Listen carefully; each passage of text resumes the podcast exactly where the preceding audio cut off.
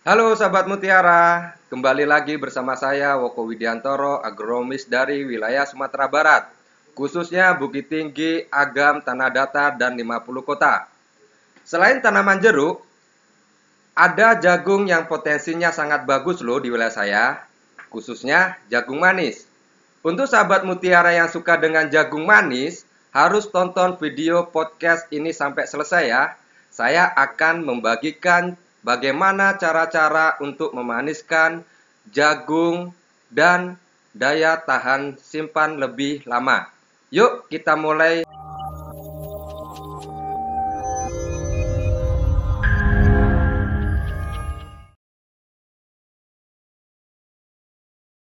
Halo, selamat datang di channel YouTube kami, NPK Mutiara TV.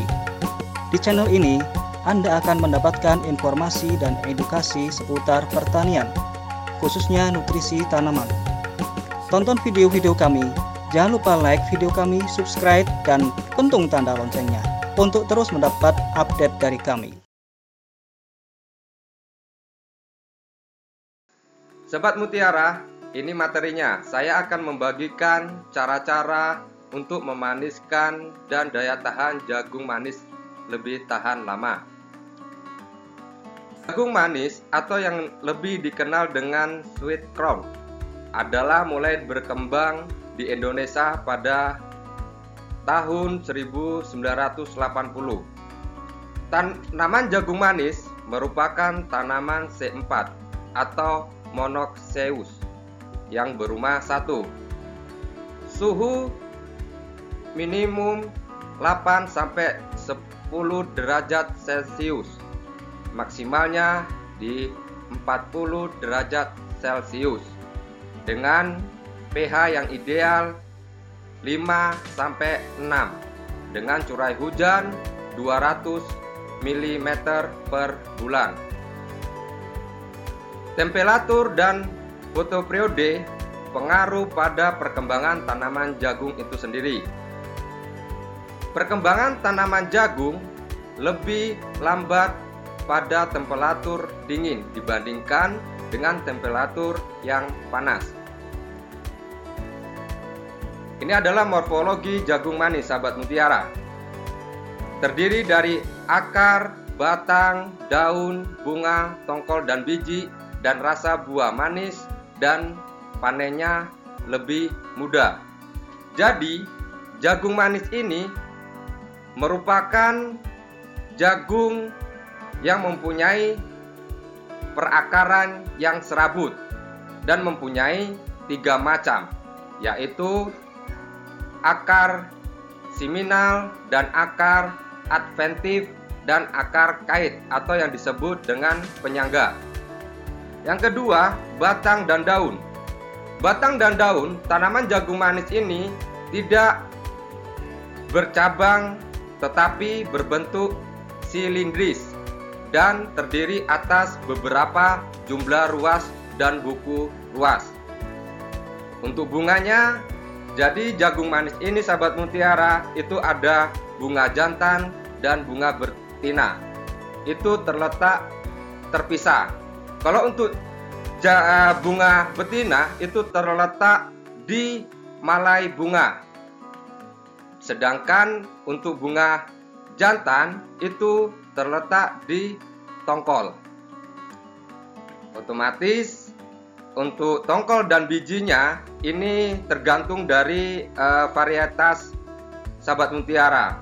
Ada yang 1 sampai 2. Makanya itu tergantung dari varietas tanaman jagung manis itu sendiri dan panen jagung manis ini bisa kita panen di umur 70 sampai 75 hari sahabat mutiara sahabat mutiara ini adalah proses pertumbuhan tanaman jagung manis dari farsenya yang pertama itu adalah farse berkecambah dan farse F3 dan F5 dan sampai farse R6 di sini saya akan menjelaskan bagaimana farse berkecambah. Nah, untuk farse berkecambah, proses perkecambahan benih jagung terjadi saat terdapat radikula yang muncul dari kulit benih.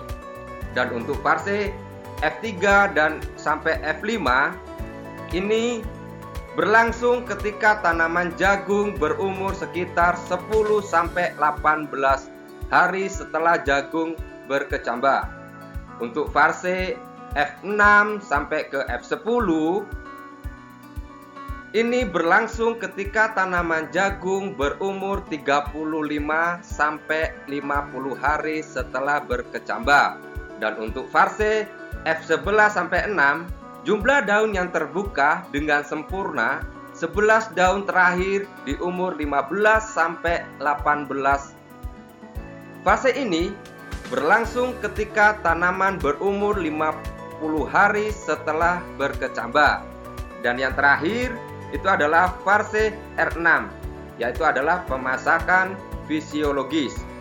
Nah, pemasakan fisiologis ini terjadi pada saat umur tanaman 55 sampai 65. Nah, ini adalah hara-hara yang penting untuk tanaman jagung, sahabat mutiara. Selain dia adalah nitrogen, fosfat, dan kalium. Jadi, untuk perakaran sehat, tanaman jagung manis memerlukan unsur yaitu fosfat, kalsium, dan boron. Dan untuk daun yang sehat, dia membutuhkan unsur nitrogen, fosfat, kalium, magnesium, dan mangan. Terus, untuk pembungaan yang yang sehat atau yang baik, dia membutuhkan unsur nitrogen, fosfat, kalsium, boron, dan zinc. Untuk buah yang sehat, isinya full dan rasa lebih manis, itu adalah yang dibutuhkan unsur kalium, kalsium, dan boron. Jadi di sini sahabat mutiara pengen memacu bagaimana rasa dan daya tahan simpan jagung manis itu lebih tahan lama tidak terlepas dari unsur kalsium. Nah, ini adalah gejala kekurangan unsur hara pada tanaman jagung.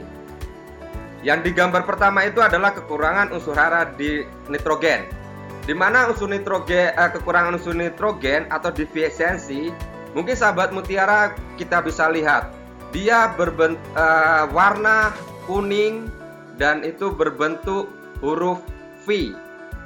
Nah, itu salah satu kekurangan yang namanya unsur nitrogen. Yang kedua, itu adalah kekurangan unsur hara fosfat. Nah, di mana unsur hara fosfat ini sahabat mutiara bisa lihat dia daunnya terlihat merah dan kuning. Itu biasanya di tepi-tepinya sahabat mutiara. Dan ini adalah yang satunya lagi kekurangan kalium, Mungkin sahabat mutiara bisa lihat dia dari tepinya aja yang kuning dan sudah itu kekurangan sulfur dan kekurangan magnesium. Nah, kekurangan sulfur ini ini bisa uh, terjadi ketika tanaman kita masih kecil, sahabat mutiara. Uh, untuk selanjutnya, mengapa jagung manis mempunyai rasa manis? Ini mungkin sahabat mutiara penasaran. Nah, sifat jagung manis pada jagung ini disebabkan oleh adanya gen resensif sugari yang muncul secara tidak bersamaan. Itulah sehingga terjadi yang namanya jagung manis itu lebih manis. Nah, yang kedua, proses terjadinya gen resensif ini dapat mencegah dan mengubah gula menjadi pati pada endosperm sehingga jumlah gula yang ada dua kali lebih banyak dibandingkan jagung biasa. Nah, ini adalah pergerakan kalsium di dalam tanah. Kalsium diambil tanaman bersama dengan penyerapan air. Dan yang kedua, kalsium larut air yang bisa diambil oleh tanaman. Dan yang ketiga, kalsium tidak bisa berpindah atau bergerak antara bagian tanaman.